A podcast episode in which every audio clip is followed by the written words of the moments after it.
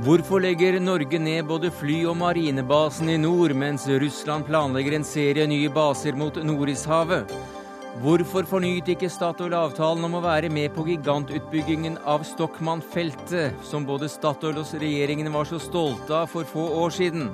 Hvorfor strammer ikke USA inn folks rett til å eie våpen nå etter to massakrer på tre uker? Og hvorfor i all verden skal ikke lenger gymkarakteren avgjøres av hvor raskt du løper og hvor langt du kaster tunge ting?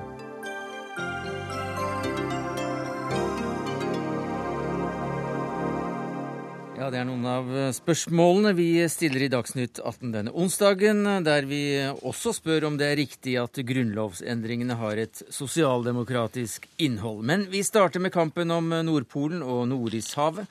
For denne uka varslet lederen for Russlands nasjonale sikkerhetsråd økt militær tilstedeværelse i nord. Og det kan vel kalles eh, opprusting, eller hva, Jon Kristian Skogan, du er seniorforsker ved Norsk utenrikspolitisk institutt? Ja, det er i hvert fall en militær oppbygging, en markering av en oppbygging av militære støttepunkter og aktivitet i Arktis. Ja, Hva slags baser eller støttepunkter kan det være snakk om? Nei, det, det eh, vet jeg lite om, og det er ikke opplyst noe klart om det. Men dette går ut fra bl.a. er støttepunkter som eh, marinen og kyst, den russiske marinen og russiske kystvakten kan gå inn til når de trenger tjenester som man må, må gå til land for å få. Eh, sånn at man slipper å gå ut av det arktiske eller Nordpolbassenget for å få slike tjenester. Hvorfor gjør de dette nå? Hvorfor denne markeringen, som du kaller det? Det har kanskje å gjøre med at eh, to ting. For det første at eh, man er jo blitt mer og mer optimistiske når det gjelder ressurser på havbunnen i polbassenget. Eh, og optimismen der har, har vokst. Og for det andre at eh, det kan tyde på at det vil bli en viss grad av skipsfart rundt Sibir, eh, kanskje her, nær helårlig fremover, fordi at isen smelter. Og begge disse tingene gjør det interessant, gjør det betydningsfullt for Russland å kunne hevde, være til stede militært mer enn i dag i disse områdene.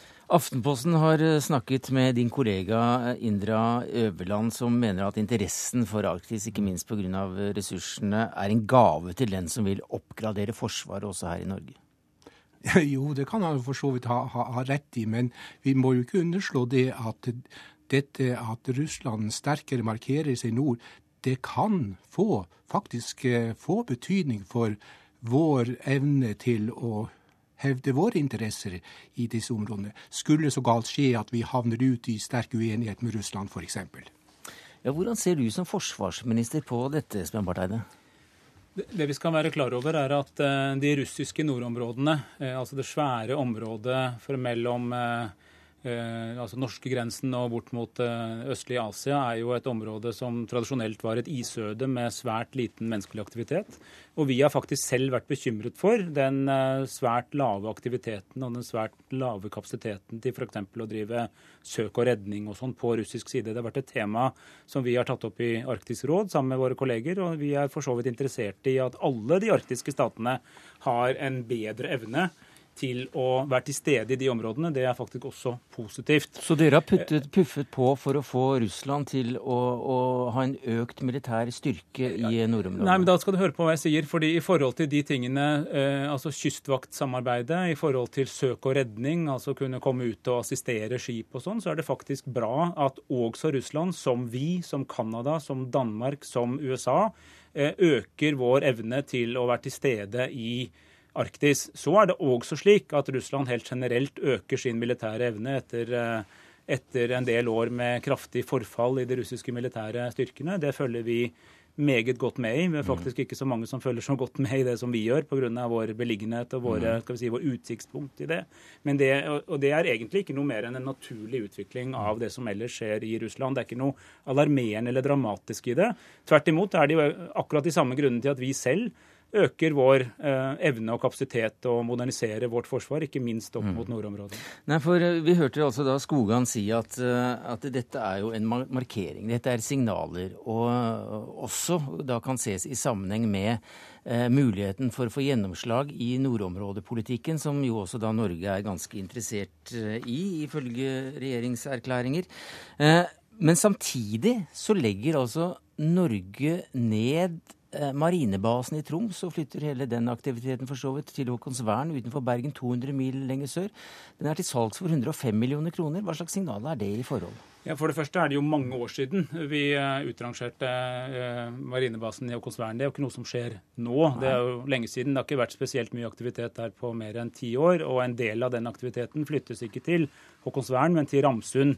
Eh, litt, litt, lenger sør, på grensen mellom Troms og Nordland. Ja, De viktigste tingene skjer i Håkonsvern etter dette? Veldig mye mer av marinen har sin base i Håkonsvern, men aktiviteten for Kystvakten, for undervannsbåter, men også Orion-fly, andre kapasiteter, jo, har jo sitt primære eh, interesseområde i Arktis, og der er vi mer og ikke mindre til stede. Det er vel det er kyst, Kystvakten som er til stede der nå? Ja, det er mye mer enn det ja. eh, som er til stede. Og Kystvakten er vel ikke egnet for militære operasjoner? Altså, Kystvakten er også en militær ressurs, men de har jo sin primære oppgave i forhold til nettopp det som er regulert i kystvaktloven, og som er knyttet til å overvåke forvaltningen av eh, nordområdene. Vi men, har en, men jeg tror egentlig det er litt viktig å være jeg så at også Aftenposten eh, sin vane tro nær sagt, prøvde å koble dette til nedleggelsen av, av Olavsvern for mange år siden. Eh, Norskekysten er full av havner. Vi har militære og sivile havner hele veien opp.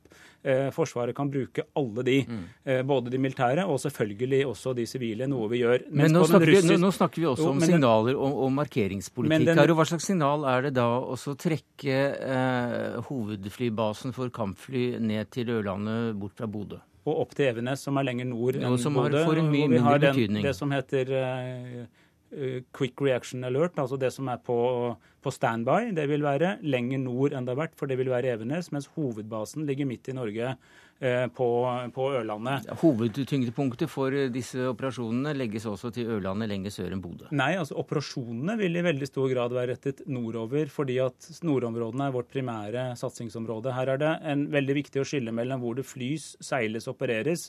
Hæren har sitt tyngdepunkt i Indre Troms. Det tar lang tid å flytte Hæren.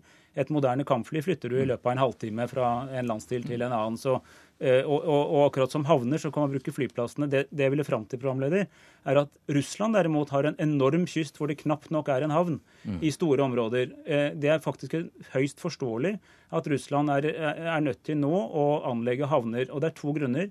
Eh, tre grunner. Det er mer aktivitet. Det skjer mer der oppe. To, det er mulig å seile dit. Tidligere var det is, nå åpner isen seg. Det tredje er at permafrosten eh, blir, eh, altså, smelter, slik at mange av de landbaserte anleggene lenger sør i mm. Russland nå rett og slett forvitrer eh, pga. at de har ligget oppå permafrosten. Så Russland er nesten dømt til å knytte mer av sin aktivitet opp mm. mot uh, Arktis. Skogan, men hva da med, med, signalene, markeringen, uh, i form av at uh, Norge i hvert fall ikke bygger opp nye baser i nord? Ja, det, dette jo, kan jo fremstå også som et lite dilemma.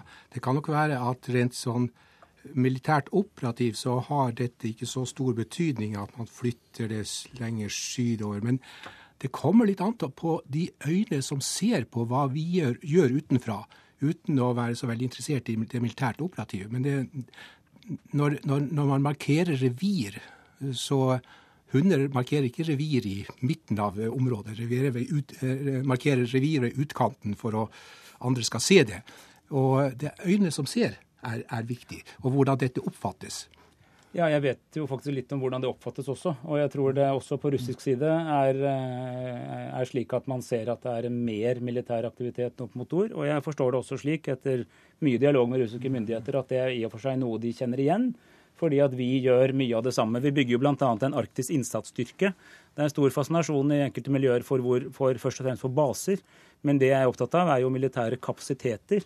Og et moderne forsvar er jo nettopp et forsvar du kan flytte rundt på. Mm. Og en av de tingene vi nå gjør, er å bygge noe vi ikke har hatt før, en, en dedikert arktisk innsatsstyrke. Noe også Russland gjør, og, og, andre land i Arktis. Så det er ikke slik da som Aftenpostens utenriksredaktør uh, har, har, gjort, nemlig skrevet om et uh, gammelt André Bjerke-sitat i dagens avis, til at uh, man ikke trenger å være sur på Norge østpå? Det var vel noe med sørpå og nordpå som var hans poeng, tror jeg. Ja, men at uh, han skrev det om til østpå, da, at Russland, uh, Russland er, bør også være strålende fornøyd med, med at Norge ikke markerer revir på den måten. Jeg, jeg syns den problemstillingen er litt spesiell, fordi at vi har altså betydelig aktivitet opp mot nordområdene. Vi har en formidabel god etterretningstjeneste. Vi har Orion patruljefly. Vi har en topp moderne kystvakt. Og vi seiler med fartøyer og flyr med fly og har Eh, moderne kampfly og skal ha enda mer kampfly. De vil ha sitt primære blikk rettet mot nord. Mm. Eh, men det er ikke min jobb å gjøre Russland sur. Altså, det er ikke formålet med norsk utenrikspolitikk at Russland skal bli bekymret. Vi er jo tvert imot eh, ønsker å ha et en felles forståelse av utfordringen, bl.a. respekten for havretten. Mm. Og noe som er usedvanlig bra, er at i motsetning til f.eks. Sør-Kina-havet, så respekterer jo alle statene rundt Arktis, Russland, USA, Canada, Danmark, Norge, havretten og legger den til grunn. Og det er noe vi bl.a. har investert mye i. Men, vi skal vise fasthet, ja. men også samarbeid med Russland. Karl August Fleischer, du er nettopp nestoren blant jusprofessorene som har hatt en spesiell interesse for nordområdene og internasjonal havrett. Og, og, og, du vet godt hvordan denne kampen om Polhavet har utviklet seg ut fra diplomat diplomatisk, et diplomatisk eh, ståsted. Eh, har militær styrke eh, noe, noe kraft innad i forhandlinger om hvordan slike områder fordeles? Ja, det må jo være nokså klart at de, hvis man ser historisk på det, og da tenker jeg historisk på den hvis man skal bruke ordet kamp, da, den lange kampen som Norge og andre stater har vært involvert i, nettopp for å, å si, finne ut hva som er eh, den enkeltes revir i nordområdene. Og der må man jo si at havretten, inklusive FNs eh, havrettskonvensjon av 1982, har vært en formidabel suksess. Fordi vi har nå fått slått fast uh, retten til uh, havbunnen og undergrunnen da også ikke bare ut i 200 nautiske mil, men utenfor det etter ganske innviklede regler i eh, FNs havrettskonvensjon artikkel 76 er det. Så Norges sokkel, som nå strekker seg forbi Svalbard og opp til sånn eh, nesten 85 grader nord på det meste, men den når dessverre ikke til Nordpolen, fordi det er for dype havområder nord for. Men Danmark og Russland osv. har jo visse aspirasjoner om at deres sokler strekker seg dit. Men det berører ikke norske interesser, og jeg tror heller ikke det er noen som helst fare for at eh, f.eks. Russland og Danmark skal begynne å slåss om havområdene, havbunnen under Nordpolen. Men det som er det viktige, er at det er ikke dette etablert folkerett som respekteres av alle parter. og eh, jeg holdt på å si nesten en krone på verket ble det jo da vi fikk ratifisert i fjor til og med mm. den avgrensningen både i Barentshavet og Polhavet men USA har ikke ratifisert uh, avtalen? Jeg har et litt kjettersk syn på USA der, uh, som jeg er ikke sikker på om alle i Norge har vært så begeistret for. Men jeg har alltid regnet uh, USA som en sånn halvveis part i Havrettskonvensjonen. Og særlig i den kalde krigens tid så var det ganske nyttig for det var jo problem altså Det er for vanskelig her, eller for innviklet, jeg her, hvis jeg skal ta hele samspillet mellom den sedvanerett som utviklet seg om de nye sonene, eh, til Norges fordel bl.a., og selve konvensjonen, som jo har trådt i kraft egentlig mye senere. Men det fantastiske i dag er bl.a. at både Den russiske føderasjon og Norge er parter. Mm. slik at dette er spilleregler. Men historisk så spilte den militære tyngde en ganske stor rolle. Dels på den måten at det var nødvendig for å få til et kompromiss en brukbar havrettskonvensjon, at vi fikk med oss både daværende Sovjetunionen og USA.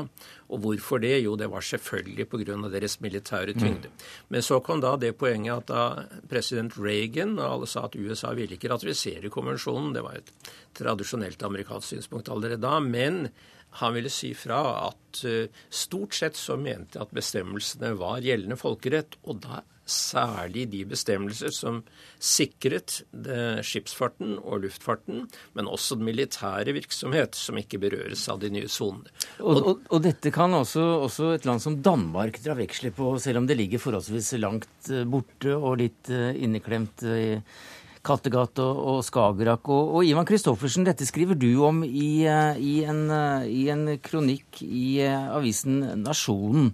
Nemlig at Danmark kan, ja, var det, kapre eller ta Nordpolen. Hvordan begrunner du det? Nei, Det henger jo sammen med det århundregamle riksfellesskapet med Grønland, som jo har en sokkel eh, som går langt inn i Polhavet. Og Det vi ser, er jo at eh, Danmark nå eh, skjerper sin arktisk politikk nettopp i forlengelsen av, av fellesskapet med grønlendere. Ja, for du skriver at dette med, med, Nordpolen, ja, det er blitt et globalt trumfkort for Danmark. Hvordan er det? Ja, det henger jo sammen med at uh, Danmark har uh, deltatt i de fleste kriger som har skjedd i 90-årene. Og nå tar disse gamle krigene slutt. og Danmark vil forlenge sin utenrikspolitikk inn i Arktis. Ja, Gamle kriger, også, tenker du på Irak og Ja, de var jo med i Irak. De fulgte jo George W. Bush inn i Irak, og de tok de tunge takene i Afghanistan. Og de har jo vært med i Libya og i Syria også. Så eh, det er jo eh, et lite land i Norden som har deltatt i de fleste krigene her eh, de siste år. Hvilke land er det ellers som, som klarest er interessenter i, i, nordområdene, og akkurat områdene nært opp til Nordpolen og Fleischer? Ja, det gjelder jo hele ja. Polhavet, da. Ganske sikkert vil Canada gi et bud. Det vil trolig også USA. Men først og fremst er det Russland som har den lengste kystlinje inn i Polhavet. Og eh, naturligvis også Danmark, Grønland. Ja, Fleischer, eh, spørsmålet var egentlig det der, men jeg kan heller stille deg følgende spørsmål. Altså, hva, hva har Kina eh, her å gjøre? Ja, du tar jo nå nesten ordene ut av munnen min, fordi det er klart at eh, Sovjetunionen først og deretter den russiske føderasjon, er jo en stormakt og har jo enorme arealer å passe på. Og eh, jeg kan jo aldri si hvordan man tenker i andre hovedsteder osv., men jeg, hvis jeg hadde da vært eh, i Si det slik, da Putins sted, så ville jo jeg gå inn for å passe på at eh, Russland hadde tilstrekkelig militære styrker til å kunne passe på hele denne enorme kystlinjen. Altså, Norge har nok. Men eh, det må jo forsvarsministeren forklare nærmere eventuelt. Men som forsvarsministeren allerede har sagt, så har vi kontroll over vår kyst. Vi har en militær beredskap osv. Men eh, russerne krever mer ut fra for de har lengre kyst, større problemer potensielt. Men det vil ikke da berøre våre områder. Det er ikke oss de behøver å være litt populært sagt redde for i dagens situasjon. Men man vet jo ikke hva som kan skje i uh, lenger øst. Og der uh, Jeg er så gammel at jeg kan til og med huske at jeg var med å skrive en utredning. Ja, den var ikke særlig dyptpløyende, må det innrømmes, men jeg skrev en utredning for Utenriksdepartementet tidlig 60-tall i rettsavdelingen om den da pågående krig, eh, på en måte. Altså, de skjøt på hverandre fordi de var uenige om grenseprovinsene på land. Da, det var ikke havrett, men det var Usurielven Usuri-elven, hvor de da skjøt på hverandre. Og det er da gammelt historisk uh, hva skal vi si, stridspunkter som da ligger til grunn, og hvor man ikke kan vite hvordan utviklingen vil bli i Kina osv. Og, så og det men Kina har også meldt seg på i, eh, i nordområdene også. Ja, og det er i og for seg fullt forståelig det også, at Kina utvikler seg på mange områder, også sjømilitært. Det er klart at det har betydning for russerne, men eh, det er ikke bare negativt at også kineserne utnytter den globalisering som vi har fått til på mange måter. og eh, vel, vel, Dette er på siden av dette programmet, men det er mange som tror at kineserne nå holder hele den vestlige økonomi flytende. Så verdien av Kinas innsats skal man ikke se bort fra. Eh, jeg er veldig enig i det som Carl Karl August Fleischer sier her. og Det er veldig viktig å understreke at vi er i den heldige situasjonen at vi nå har ingen krav som vi ikke har fått gjennomslag for. Altså Vi har fått til delelinje Eh, avtalen med russerne. Eh, kort tid før det så fikk vi gjennomslag for de, for de siste eh, kravene vi hadde lenger mot nord og, og, vest. Det er vel litt spørsmål og, om tolkningen av Svalbard? Det er noe annet enn et krav. fordi jo, jo. Det, det, er litt viktig. og det kan det jo professoren der, Jo, men altså, her snakker vi om, om retten til å ha en vernesone. Men når det mm. gjelder våre krav til økonomisk sone, så er det avklart, i motsetning til de andre landene i Arktis som har sine små uenigheter. Til og med Danmark Og Canada har jo en diskusjon om Hans Ø, en mm. liten steingruppe. Og, og, og, og USA og Canada og Russland og Danmark osv. Men vi har avklart det, så vi har kontroll på dette. Vi har en veldig sterk interesse i å bidra til at respekten for havretten opprettholdes i disse områdene. Og det ser faktisk ganske bra ut. Jeg er nødt til å legge til programleder at de økonomisk interessante områdene de ligger i all hovedsak innenfor det som er avklart mm. jurisdiksjon mm. til det ene eller andre landet. Derfor allikevel... er det ikke snakk om en kommende krig om markedsressursene. Nei, Vi snakker ikke om, om, krig, men vi snakker kanskje om en, om en, viss meningsutveksling om hvordan eh, dette området bør fordeles. Og Karl August Fleischer, eh, til, sist. altså hvordan, hvordan, Hvis du ser inn i krystallkula, hvordan vil dette området være fordelt om 50 år, når, eh, når, isen er smeltet og ingen av oss vel sitter i Dagsnytt 18 og snakker om dette lenger? Altså, jeg bare sier Det er jo fordelt. Vi har jo fått grenser. Det er fordelt. Alt er oppgjort. Ingen uh, mer konflikter om nordområdene. Det er klart at man kan tenke seg f.eks. en uh, kinesisk aktivitet teoretisk da i de områdene som ligger utenfor nasjonale kontinentalsokler. Og skipsfarten er jo ikke regulert, inklusive den militære. Eller den, den er mer presis, den er fri, også i de økonomiske soner. Så der kan man jo godt uh, tenke seg at det skjer noe etter hvert. Men det vil vanskelig berøre norske suverenitetsinteresser, fordi vår suverenitet både når det gjelder selve Norge og mm. gamle Norge, og når det gjelder Svalbard, ligger fast. Får vi se hvor mye det er verdt at Russland har plantet et russisk flagg på havbunnen under Nordpolen. Takk skal du ha, Karl August Fleischer, professor eh, emeritus ved Universitetet i Oslo. Espen Barth Eide, forsvarsminister fra Arbeiderpartiet. Jon Christian Skogan, seniorforsker emeritus ved NUPI. Og studio i Tromsø, Ivan Kristoffersen, tidligere redaktør av Nordlys, og vel en slags emeritus du også.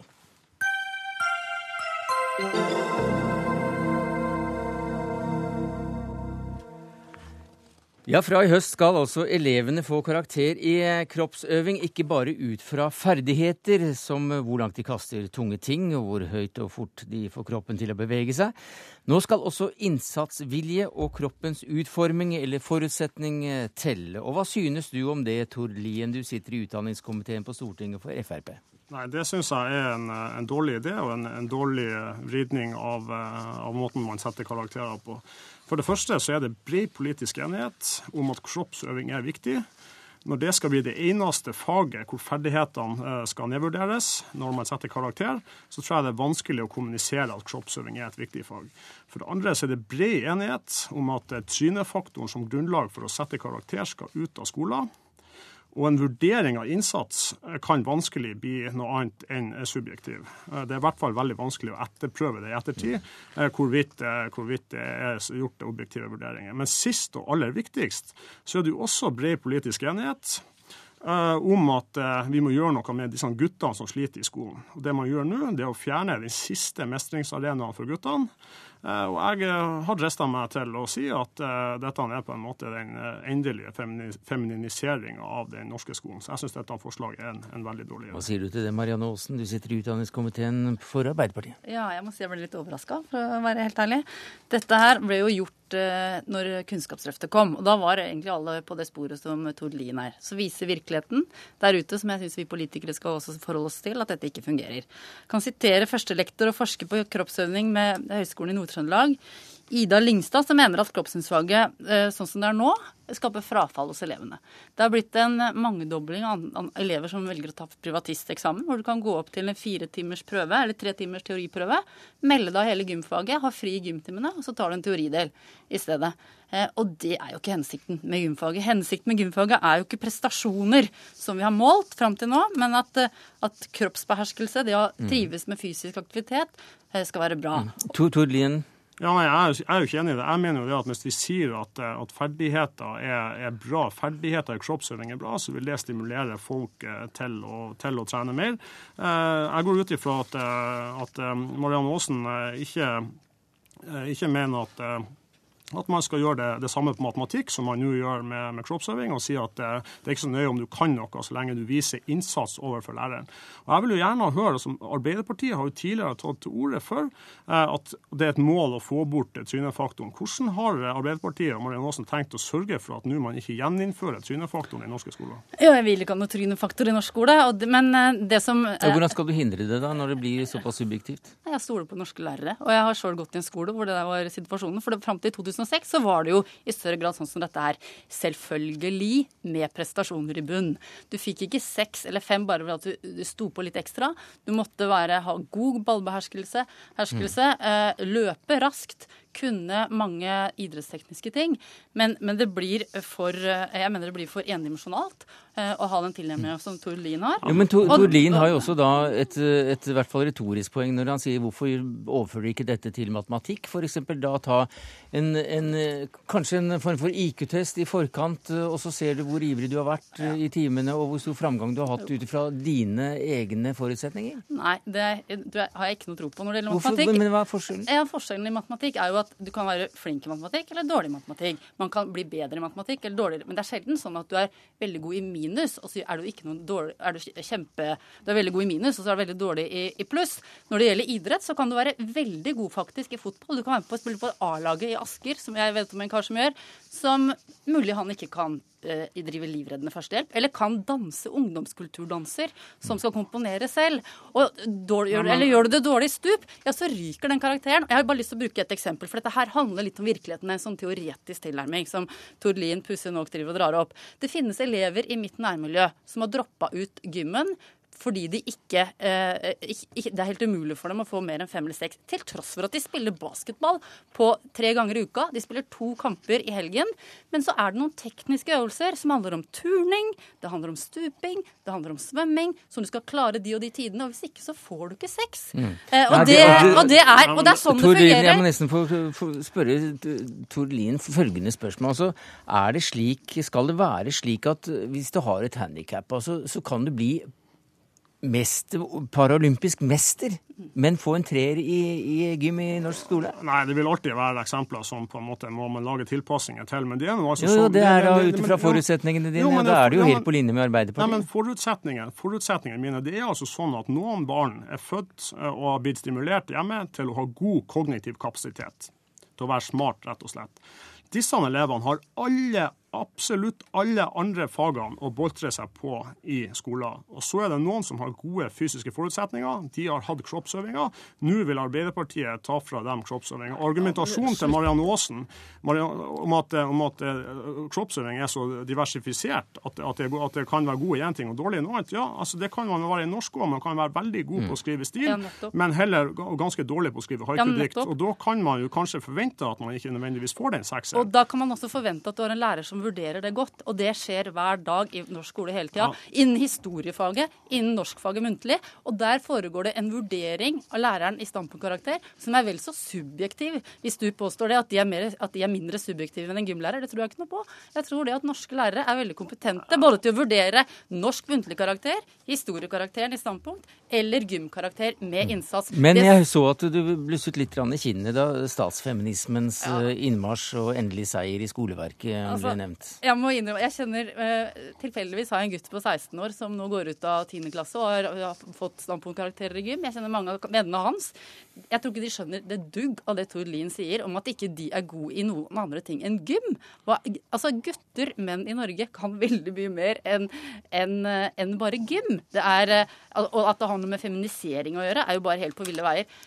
Stortinget, med alle partier med unntak av Frp, mener dette er lurt, fordi at vi hører på lærere, vi hører på elever, og vi, og vi hører på hva som skjer i skolen. Vi kan ikke ha et gymfag som gjør at folk går opp som mm. privatister, Nei, men, men og i teori. På, du svarer jo ikke på Marianne Aasen, svarer jo ikke på min utfordring til deg. at Dette er jo det siste faget. Du kan si hva du vil om enkeltelever der ute og osv., men det er nå altså engang sånn at uh, dette er det siste faget at gutter uh, har bedre karakter enn jenter.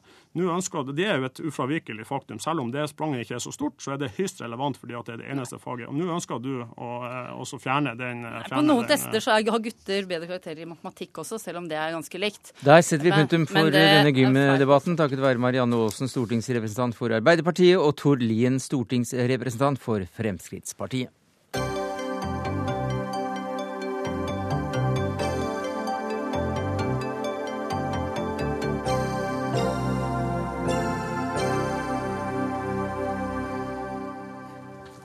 Akkurat den delen av, uh, av, mønsterplanen skal vel ikke inn i Grunnloven, men historiens største revisjon av Grunnloven er uansett i gang nå. I september fremmes forslagene, som bl.a. inneholder et eget uh, kapittel for menneskerettigheter. Forslagene spenner fra forbud mot tortur til rett til personvern, utdanning og sosial trygghet. Og dette synes du er en ganske dårlig idé, Morten Kinander. Du er jurist, og du er filosof i tenkesmia Civita. Hvorfor det?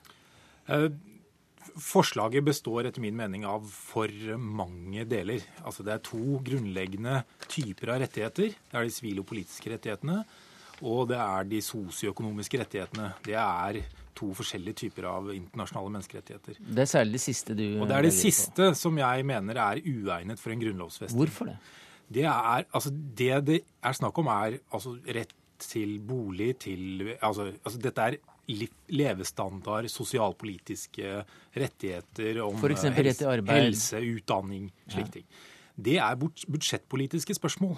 Og det er eh, best, best, hørende hjemme i den vanlige løpende politiske debatten. Og Hele poenget med en grunnlov det er jo nettopp å dra visse ting ut av den politiske debatten. Og grunnlovfeste det, sånn som f.eks. vernet mot tortur, vernet mot fengsling uten lov og dom. Slike ting skal vi ikke ta stilling til hele tiden, for det, det er grunnleggende rettsgoder. Er det derfor du da sier at um, denne praksisen blir omtrent som å grunnlovfeste sosialdemokratiske verdier? Ja, på en måte så blir det jo det. Og jeg er ikke imot eh, disse verdiene i seg selv. Jeg er jo ikke imot utdanning, jeg er ikke imot helse og, og levestandard. Jeg bare mener at den refinansieringen vi skal, står overfor når det gjelder velferdsstaten, ikke bør skje i Høyesterett. Det bør skje i eh, parlamentet. Hva sier du til det, Inge Lønning? Som leder for grunnlovsutvalget, så går du også inn for å grunnlovfeste sosialdemokratiet? Nei, det er jo en formulering som jeg syns er eh, ganske langt bak mål. Eh, og jeg syns jo det er forbløffende at akkurat tankesmien Civita skulle være interessert i å styrke den norske forestillingen forestilling at velferdsstaten er identisk med sosialdemokratiet. Eller at helse- og sosiallovgivningen i Norge er båret frem av sosialdemokratiet. Det er historisk feil. Og det er prinsipielt uh, misvisende. Men, Men, akkurat, det, akkurat det er for så vidt uinteressant. Ja, ja. Eh, et sidespor. Men uh, Kinanders skille mellom de økonomisk, sosiale, kulturelle rettighetene på den ene siden og de politiske og sivile rettighetene på den andre siden, er etter mitt skjønn vilkårlig. Hvis man går tilbake til verdenserklæringen som startet menneskerettstenkning i utviklingen etter krigen i 1948, så vil man jo se at disse rettighetene har vært med fra begynnelsen av. De er ikke kommet til som en sekundær oppfinnelse. Og eh, bak det ligger jo den grunnleggende forståelse at mennesket er ikke bare et individ som har behov for f.eks. ytringsfrihet. Mennesket er også et uh, vesen med elementære legemlige behov for å kunne overleve fra dag til dag. Og mennesket har behov for ganske grunnleggende trygghetsverdier. Og um, etter mitt skjønn er det jo en ganske foreldet forestilling at statens eneste oppgave er å jeg har sagt, holde fingrene fra fatet og la folk få lov å boltre seg mm. som de vil. Det er en nokså ja, ja, foreldet altså, oppfatning. Det er, det er morsomt at Lønning drar fram bakgrunnen for dette. her. For Opprinnelig så kommer de sivile og politiske rettighetene fra de fra de vestlige maktene, mens de sosioøkonomiske kommer fra sov gamle sovjetblokkene som et motsvar til de sivilpolitiske rettighetene, slik at de ikke skulle havne i diskreditt for å ikke oppfylle menneskerettighetene. Men det er nå én ting. altså Den historiske bakgrunnen er mindre interessant, eh, kan vi være enige om nå. Poenget mitt er at det å gi noen en rettighet til noe, betyr, når det er et begrenset hele vi snakker om, at andre ikke får noe. Og den, det skillet mellom hvem som skal få hva, Eh, er ikke et rettslig spørsmål, det er et politisk spørsmål. Hva sier du til det, Anine kjære Du er stipediat ved Institutt for offentlig rett ved Universitetet i Oslo, og du jobber med konstitusjonelle spørsmål.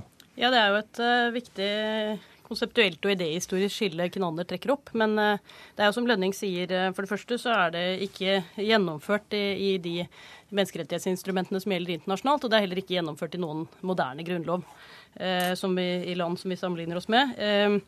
Eh, det er jo eh, slik selvfølgelig at man kan tenke at eh, disse sivile og politiske rettighetene primært er påbud om at staten skal avstå fra å gripe inn i borgernes rettssfærer eller rettsforhold. Ja, er ikke det riktig? Jo, absolutt. Men det er jo ikke slik at staten ikke får positive forpliktelser etter de sivile og politiske rettighetene heller. Men må det, det være nedfelt i en grunnlov? Er det ofte det? Nei, da blir jo spørsmålet uh, skal vi ha en grunnlov. Og det er et annet spørsmål. Det er, ganske, det er svært interessant det også. Men hvis vi i det hele tatt skal ha en grunnlov Ja, det skal vi, vi her, mener, i, her i Dagsnytt 18-sammenheng i dag. Og vi mener at uh, det, en grunnlov både skal konstituere nasjonen som nasjon, og i tillegg inneholde grunnstenene i den rettsorden vi nå bekjenner oss til, så, så, er det vel på tide å diskutere en oppgradering, slik Grunnlovsutvalget har gjort. Men, men det må da gå en grense, som Kinander er inne på, hva som er løpende løpende politisk debatt og et spørsmål for, eh, til syvende og sist for prioritering på statsbudsjettet? Absolutt, men det er jo ikke slik at dette tas ut av den løpende politiske debatt fordi om det finnes i Grunnloven. Det er jo en rekke spørsmål som allerede er regulert i Grunnloven, som hele tiden er en del av den løpende politiske debatt. Og det er jo interessant at det er akkurat de økonomiske og kulturelle forhold som gjør at uh, man nå reagerer mot å, og prøver å oppstille et, et skille mellom uh, ulike typer rettigheter. Fordi mm. i de rettighetene vi allerede har i Grunnloven, som er utpreget sivile og politiske, uh, nemlig f.eks. For forbudet mot å gi lover tilbakevirkende tilbakevirkende kraft og vern om eiendomsretten, som jeg vil tro også Kinander stiller seg bak, så har det jo vært heftig diskusjon nettopp fordi eh, disse bestemmelsene legger hindringer i veien for statens løpende politikk og den økonomiske og kulturelle utvikling. Eh, det var riktignok Arbeiderpartirepresentanter som på 20-tallet bar dette sterkest, men det var nettopp den type argumentasjon som vi nå hører for ikke å ta inn disse andre rettighetene, som da ble ført frem for å unngå de rettighetene som allerede finnes i Grunnloven. Grunnloven. Der kommer den bumerangen.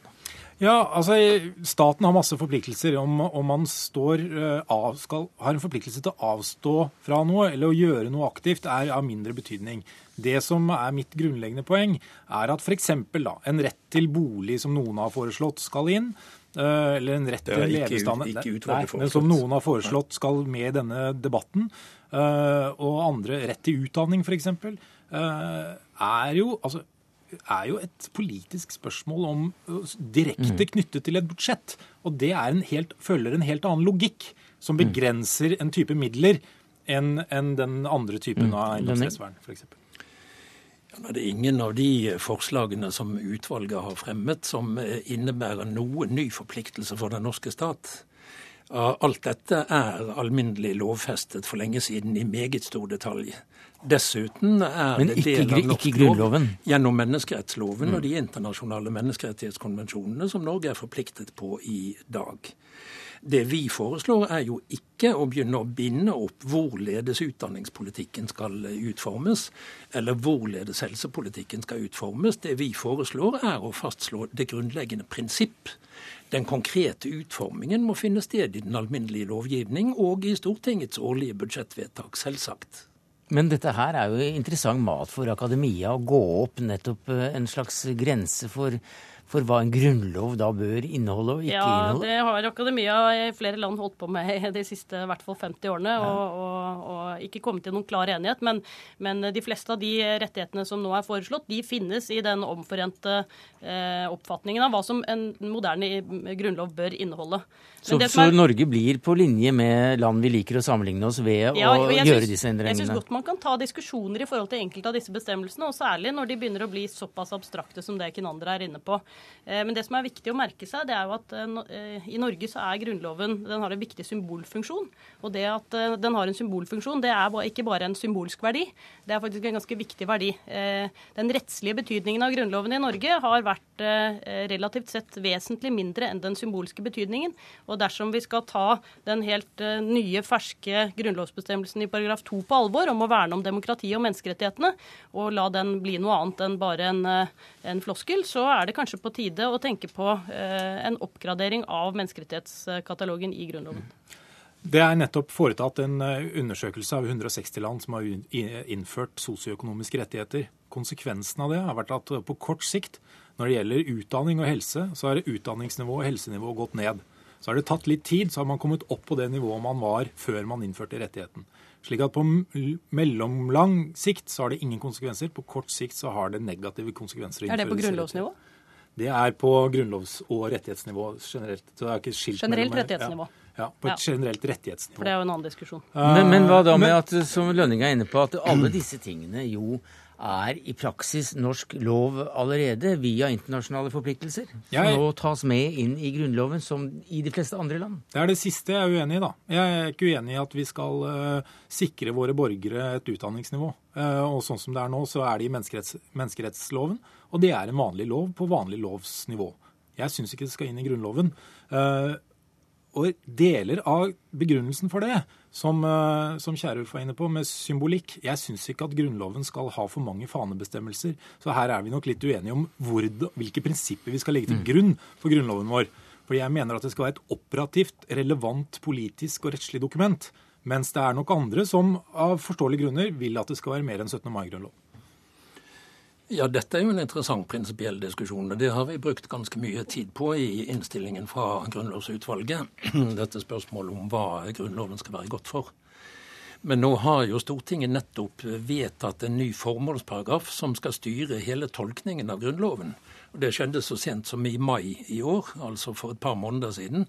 Og den sier at formålet med denne grunnlov er å sikre demokratiet, rettsstaten og menneskerettighetene. Det vil si menneskerettighetene er skrevet inn som en høyeste tolkningsnorm for hele den norske grunnlov. Og det er klart, eh, Kinander har rett i at eh, det er mange av disse bestemmelsene som ikke er operative i den forstand at man vil kunne ta dem med seg til en domstol og si se her står det at jeg har krav på sånn og sånn. Men eh, min oppfatning av Grunnloven er jo at den er flerdimensjonal. Den er selvfølgelig et rettslig instrument, skulle bare mangle. Men den er i aller høyeste grad også et politisk dokument, og den er et dokument som skal nedfelle hva som er grunnleggende konsensusverdier i det norske samfunn. Og etter mitt skjønn vil det være oppsiktsvekkende hvis Stortinget etter 200 år skal foreta en oppdatering av Grunnloven under denne synsvinkel, og så ville velge å se bort ifra de rettighetene som bl.a. alle våre nordiske naboland for lenge siden har skrevet inn i sine grunnlover. Og alt dette skjer vel akkurat nå, og i, eh, om ikke i all hast, så i alle fall ganske raskt, for vi nærmer oss eh, et jubileum. Ja, og dette jubileet er jo foranledningen for at denne prosessen er satt i gang. Eh, man bør ikke la seg eh, stanse av den, tenker jeg, dersom det er det det står på for å få en ordentlig grunnlov på plass. Men det som jeg syns er viktig her å tenke på, det er at Grunnloven eh, i større grad enn å være en oppgradering til formål eh, for bruk i domstolene, så er det en oppgradering til formål for bruk for politikerne. For domstolene tar allerede alle disse rettighetene på alvor. Dovre faller vel ikke på denne uenigheten mellom Morten Kinander, jurist og filosof i Civita, og eh, Inge Lønning, professor og leder for Grunnlovsutvalget. Men eh, takk skal dere ha. Takk også til Anine Kierulf, stipendiat ved Institutt for offentlig rett ved Universitetet i Oslo.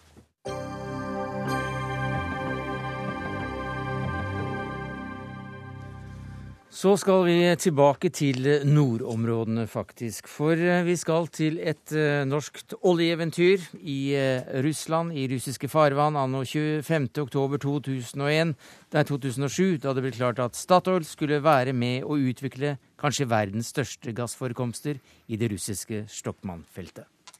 Det er gledelig at Statoil Hydro nå skal delta sammen med Gazprom i å utvikle det store uh, Stokman-feltet. Uh, det er et stort og viktig prosjekt i seg selv, men det bidrar også til å utvikle det energisamarbeidet Norge og Russland har, ikke minst uh, i Barentshavet. Ja, For oss er jo dette veldig gledelig og det er viktig. Og vi tar dette som en bekreftelse på at vi har mye av den kompetansen, teknologien, erfaringer, enkeltpersoner som kan bidra inn i dette eh, prosjektet. Og Vi legger nå alle krefter inn på at dette skal bli et eh, godt prosjekt, både for Gazprom, Total og oss eh, selv. Men det ble det da altså antakelig ikke. Det var Helge Lund vi hørte til slutt her. Og hvorfor har det ikke blitt det, informasjonsdirektør i Statoil Jannik Lindbekk jr.? For dere har ikke fornyet denne avtalen som gikk ut i juni.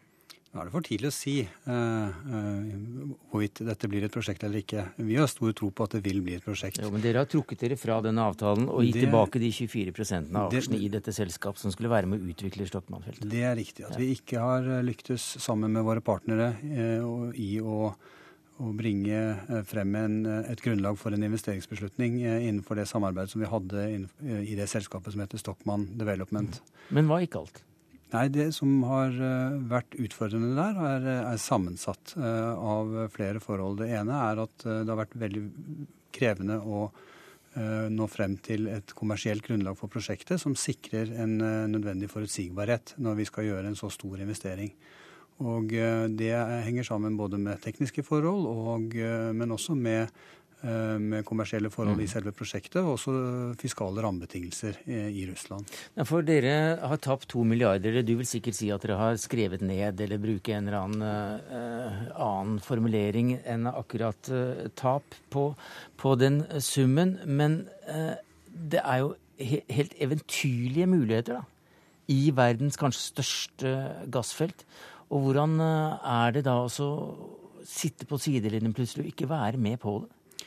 Eh, det er helt riktig at Stokmann-feltet er betydelig, og, og, og, vi, og, det er nettopp derfor vi satser fortsatt på eh, å medvirke. Komme inn på en annen måte, ja. Ja, vi, vi, er, vi er, i dialog med Gazprom ja. fortsatt, og, jobber for å få på plass en avtale som skal eh, legge grunnlaget for at Statoil kan medvirke i utviklingen av dette prosjektet. Men hvor store basert... investeringer ble det forlangt at dere skulle gjøre etter hvert her nå, som gjorde at dere sa nei, kanskje ikke? Nei, De var i hvert fall i en skala som gjorde at eh, grunnlaget for å ta den beslutningen eh, ikke var til stede. Og det var jo derfor denne avtalen uh, ikke, ikke, ble forlenget. Jeg vil ikke kommentere spesielle beløp, men det er opplagt at det er viktig for oss som selskap når vi skal kunne forsvare en slik investering, så må det være en lønnsomhet som ligger til grunn, og som gjør det mulig for oss å å gå inn i det. Ja, for Avisen Financial Times skrev i går at dette prosjektet var eh, feil tid, feil sted for Statoil. Det er jo En del av uh, grunnlaget for dette prosjektet ligger jo i, uh, i, i de energirealitetene som omgir oss. Og, og mm. forholdene for gass har endret seg på ganske få år. og det er jo en del av den virkeligheten vi, vi lever i. Hvordan eh, tolker du eh, Statoils eh, handlinger nå, politisk kommentator i Stavanger Aftenblad, Tom Hetland? Du har fulgt Statoil virksomhet i Russland i en årrekke.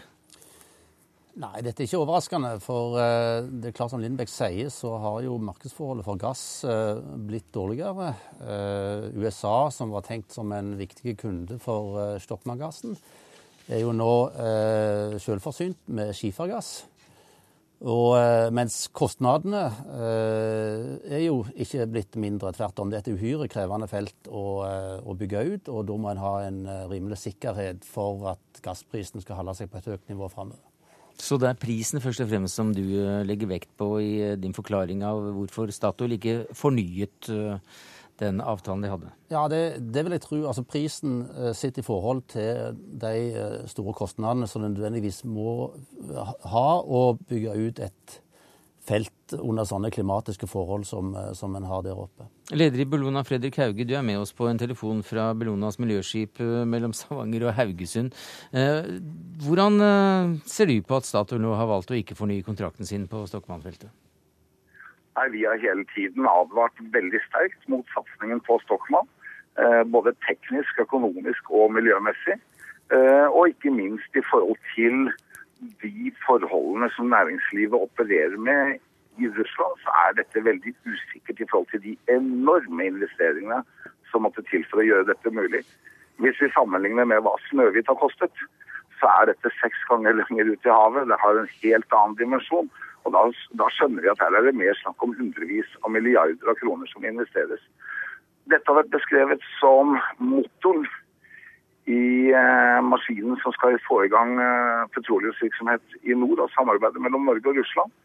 Og her er det mange, både utenriksminister og statsminister og mange oljetilhengere, som eh, må gå inn i seg selv og også være ærlige på at de har vært for naive Akkurat som jeg også mener de er i forhold til eh, menneskerettigheter og den mm. type spørsmål når det er spørsmål om dette type samarbeid. Naive Lindbekk? Nå er det altfor tidlig å slå fast at dette ikke blir noe av. Dette er jo et prosjekt som er uh, veldig interessant fordi at det er enorme ressurser. Det er tre ganger Trollfeltet på norsk sokkel. Og sånn sett så er dette gass som vi tror vil komme til markedet. Og vi mener at eh, Statoil har en rolle å spille her, og er derfor i dialog med Gazprom om hvordan man skal kunne lykkes med å få dette til. Men ikke eh, så ivrig at dere beholdt altså mulighetene for å være med på 24% i dette selskapet? Nei, det La oss bare slå det helt klart fast. Det er veldig viktig å, å, å, selvfølgelig ta hensyn til at Statoil har en stor portefølje av prosjekter. Og for at et prosjekt skal kunne kvalifisere til at vi investerer i det, så må det også være lønnsomt. Hva med den politiske situasjonen i Russland og det mange kaller en eh, for tett og uforutsigbar, eh, uforutsigbart resultat av båndene mellom politikk, eh, økonomi og jus? Jeg tror at det, Når det gjelder eh, risiko, så står Statoil eh, overfor eh, et helt spekter av risikoer når vi går inn i nye prosjekter. Og Det gjelder geologisk risiko, teknologisk risiko, det kan være prosjektrisiko knyttet til gjennomføring, og selvfølgelig kommersiell risiko og endelig politisk risiko. Og Disse forholdene er vi nødt til å vurdere grundig og å planlegge i forhold til. Og Det er på en måte kjerneaktivitet i et oljeselskap som går inn i ressurser som, eh, som land forvalter rundt omkring i verden. Og det koblet da til en eh, lavere gasspris til sammen har gjort at dere trakk dere ut? Eller er det i nye forhandlinger for å reforhandle denne avtalen? Ja, Det lot seg ikke gjøre eh, slik vi så det, å komme i mål med en løsning for dette prosjektet innenfor det samarbeidet vi hadde. Men Gazprom, som eh, eier lisensen her, eh, er i dialog med oss, og vi, vi har tro på at vi skal kunne medvirke. Hauge? Det, det, det, er jo en måte å beskrive situasjonen på. Jeg tror at vi vil ganske klart se at her trekker Statoil seg sakte og sikkert ut. Jeg tror det kommer til å bli tatt godt imot av markedet. Eh, vi så aksjeverdien til Statoil steg etter nyheten kom i går. Eh, litt av grunnen til at jeg sier det, er at også energisituasjonen i Europa er i ferd med å forandre seg. Sol er i ferd med å konkurrere f.eks. ut gasskraftinvesteringer i Tyskland. Eh, rett og slett fordi produksjonsplanene for fossil energi i Arktis er i ferd med å bli altfor høye i forhold til hva vind og andre energikilder kan konkurrere med. Det er, annen, det er en litt annen vri på saken eh, vår her, eh, Haug, og du er på en litt dårlig linje. Men altså 3,8 billioner standard kubikkmeter gass kan være det som Statoil sier nei takk til pga. Ulike hensyn. Er det så? Nei, altså som sagt, Vi er fortsatt i dialog, og vi mener at vi har en rolle å spille her. Og så er det også slik at disse ressursene eh, vil, eh, slik vi ser det, kunne utvikles eh, gjennom en LNG-løsning som gjør denne gassen veldig fleksibel og flyttbar etter markeder der det er behov. Og vi ser jo at gass spiller en vesentlig rolle også over i et samfunn der vi har en annen energimiks og kan spille godt sammen med fornybare ressurser. Takk skal du ha, Jannik Lindbekk, informasjonsdirektør i Statoil, og til Tom Hatland, tidligere sjefredaktør og politisk kommentator i Stavanger Aftenblad, og til deg, Fredrik Hauge, på skuta til Bellona. Hør Dagsnytt 18 når du vil, på nettradio eller som podkast. nrk.no – dagsnytt 18. Tolv mennesker ble skutt på en kinopremiere i Colorado for tre uker siden. Søndag ble sju skutt og drept i Sikh-tempelet i Wisconsin. Og president Obama har bestemt at det skal flagges på halv stang helt fram til fredag. Men en innstramning av våpenlovgivningen er allikevel ikke et tema verken i Det hvite hus eller i amerikanske nyheter. Så hvilke krefter er det våpenmotstanderne kjemper mot, Håvard Bjørgaas? Du er forfatter og tidligere USA-korrespondent for NRK det er eh, sterke amerikanske krefter som gjerne vil beholde våpnene sine. Og, og, ferske meningsmålinger i de to delstatene du nevner, Wisconsin og Colorado, viser at, at rundt halvparten av de som bor der, bor der, fortsatt etter disse skytemassakrene, ønsker at det skal være den samme våpenlovgivningen. Det snakkes mye om eh, lobbyvirksomhet fra en, eh, en sterk industri og en sterk interesseorganisasjon. Det er klart, og Vi har jo The National Rifle Association, en av USAs mest berømte eh, interesseorganisasjoner. En veldig sterk lobbygruppe eh, som mange politikere frykter. fordi Dersom man skulle eh, forsøke å foreslå å stramme inn våpenlovgivningen, så vil eh, penger fra mange kilder, f.eks. i næringslivet, raskt tørke opp for en del amerikanske politikere. Og det har mye å si her. Men i tillegg så, så er det viktig å, å, å, å peke på at amerikanere flest mange, spesielt i en del eh, delstater som ikke er i byene, de ønsker å beholde mm. George Gooding, eh, du er president i det dere kaller Monticello Society, altså en organisasjon som vil jobbe for økt forståelse for amerikanske forhold og motarbeide antiamerikanisme, særlig da i pressen, ifølge, ifølge nettstedet deres. Eh, og, og, det må du jammen få, få fritt fram og få lov til i Dagsnytt 18 i dag, for det er veldig lett for oss på denne siden av Atlanterhavet å se med undring på den retten som enhver påberoper seg til å bære sitt eget våpen i USA? Ja, det er en helt annen verden der borte, og man forstår gjerne ikke de grunnleggende tankene bak eh, hvordan, hvorfor de ser det på det sånn. Fortell. Det handler stort sett om sikkerhet og selvstendighet. USA er et individualistisk samfunn. Borgerne har lyst til å kunne sikre sin egen person, sin eiendom. Og tilbake fra når Grunnloven ble laget, så handlet det om å kunne beskytte seg mot staten dersom den skulle finne på noe som skjer nå i Syria, f.eks. Jaha, så, så, grunnlaget for dette her, altså i Grunnloven, det stammer faktisk fra en, en rettighet som borgerne hadde til å beskytte seg mot staten? Ja, så når man løsrev seg fra Storbritannia, så ville man danne et uh, samfunn hvor man ikke At diktatur ikke oppsto igjen. Hmm. Bill of Rights, second eh, amendment. Hva sier den? Den, uh, som tolket av Høyesterett nå et par år siden, så sier den at uh, enhver person i USA har lov til å bære eller eie våpen. Hvordan dette Har dette nedfelt seg i, i ryggmargen hos uh, amerikanerne, slik du ser det? Nei, altså det handler jo om, som jeg sa, om, om, om sikkerhet for veldig mange. Eh, når vi har sånne skytemassakrer nå, så ser man at eh, våpensalg går opp fordi folk enten er redde eh, og vil eh, skaffe seg beskyttelse selv, eller så er, handler det om at de er redde for at myndighetene skal skjerpe inn. Så istedenfor at du får en debatt uh, ut ifra slike massakrer mot uh, våpen, så får du en, en, økt forståelse for hvor viktig våpen er? Ja. Um, det er 270 millioner skytevåpen i USA, og man kan på en måte tenke seg at man skal forby dem, men de som allerede eksisterer i landet, forsvinner ikke av seg selv. og da som vi har sett i f.eks. Washington DC og Chicago, hvor de har hatt eh, forbud mot eh, å eie håndvåpen, altså skytevåpen.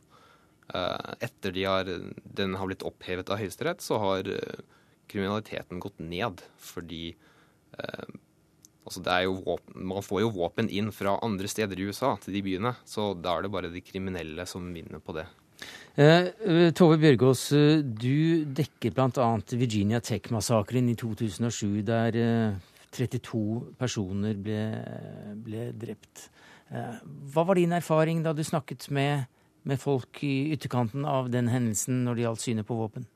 Jeg husker at jeg snakket med faren til en av dem som hadde blitt drept, som sa at dersom studentene i klasserommet hadde hatt muligheten til å bære våpen, så ville de ha kunnet skyte tilbake, og at han skulle ønske at det hadde vært tilfellet. Og etter dette så har det faktisk vært forslag i en del delstater om at studenter f.eks. skal få bære våpen på universiteter. Eh, det som også har skjedd etterpå, er at akkurat Virginia, denne delstaten hvor dette skjedde, eh, den er veldig viktig ved amerikanske valg. Det er ganske jevnt mellom republikanerne og demokratene. Men her har det blitt betydelig mer liberal våpenlovgivning, eh, altså etter denne massakren. Så, så, som Gunhild peker på, det, det, slår ofte ut den andre veien, fordi amerikanere mener at de svake kan beskytte seg ved å bære våpen. Og du selv eh, støtter dette, Goding? Nei, altså jeg har en helt annen personlig mening om dette her enn en, en, Jeg forklarer bare hvordan amerikanere flest ser på dette her. Eh, altså USA er jo et splittet land også på dette temaet her.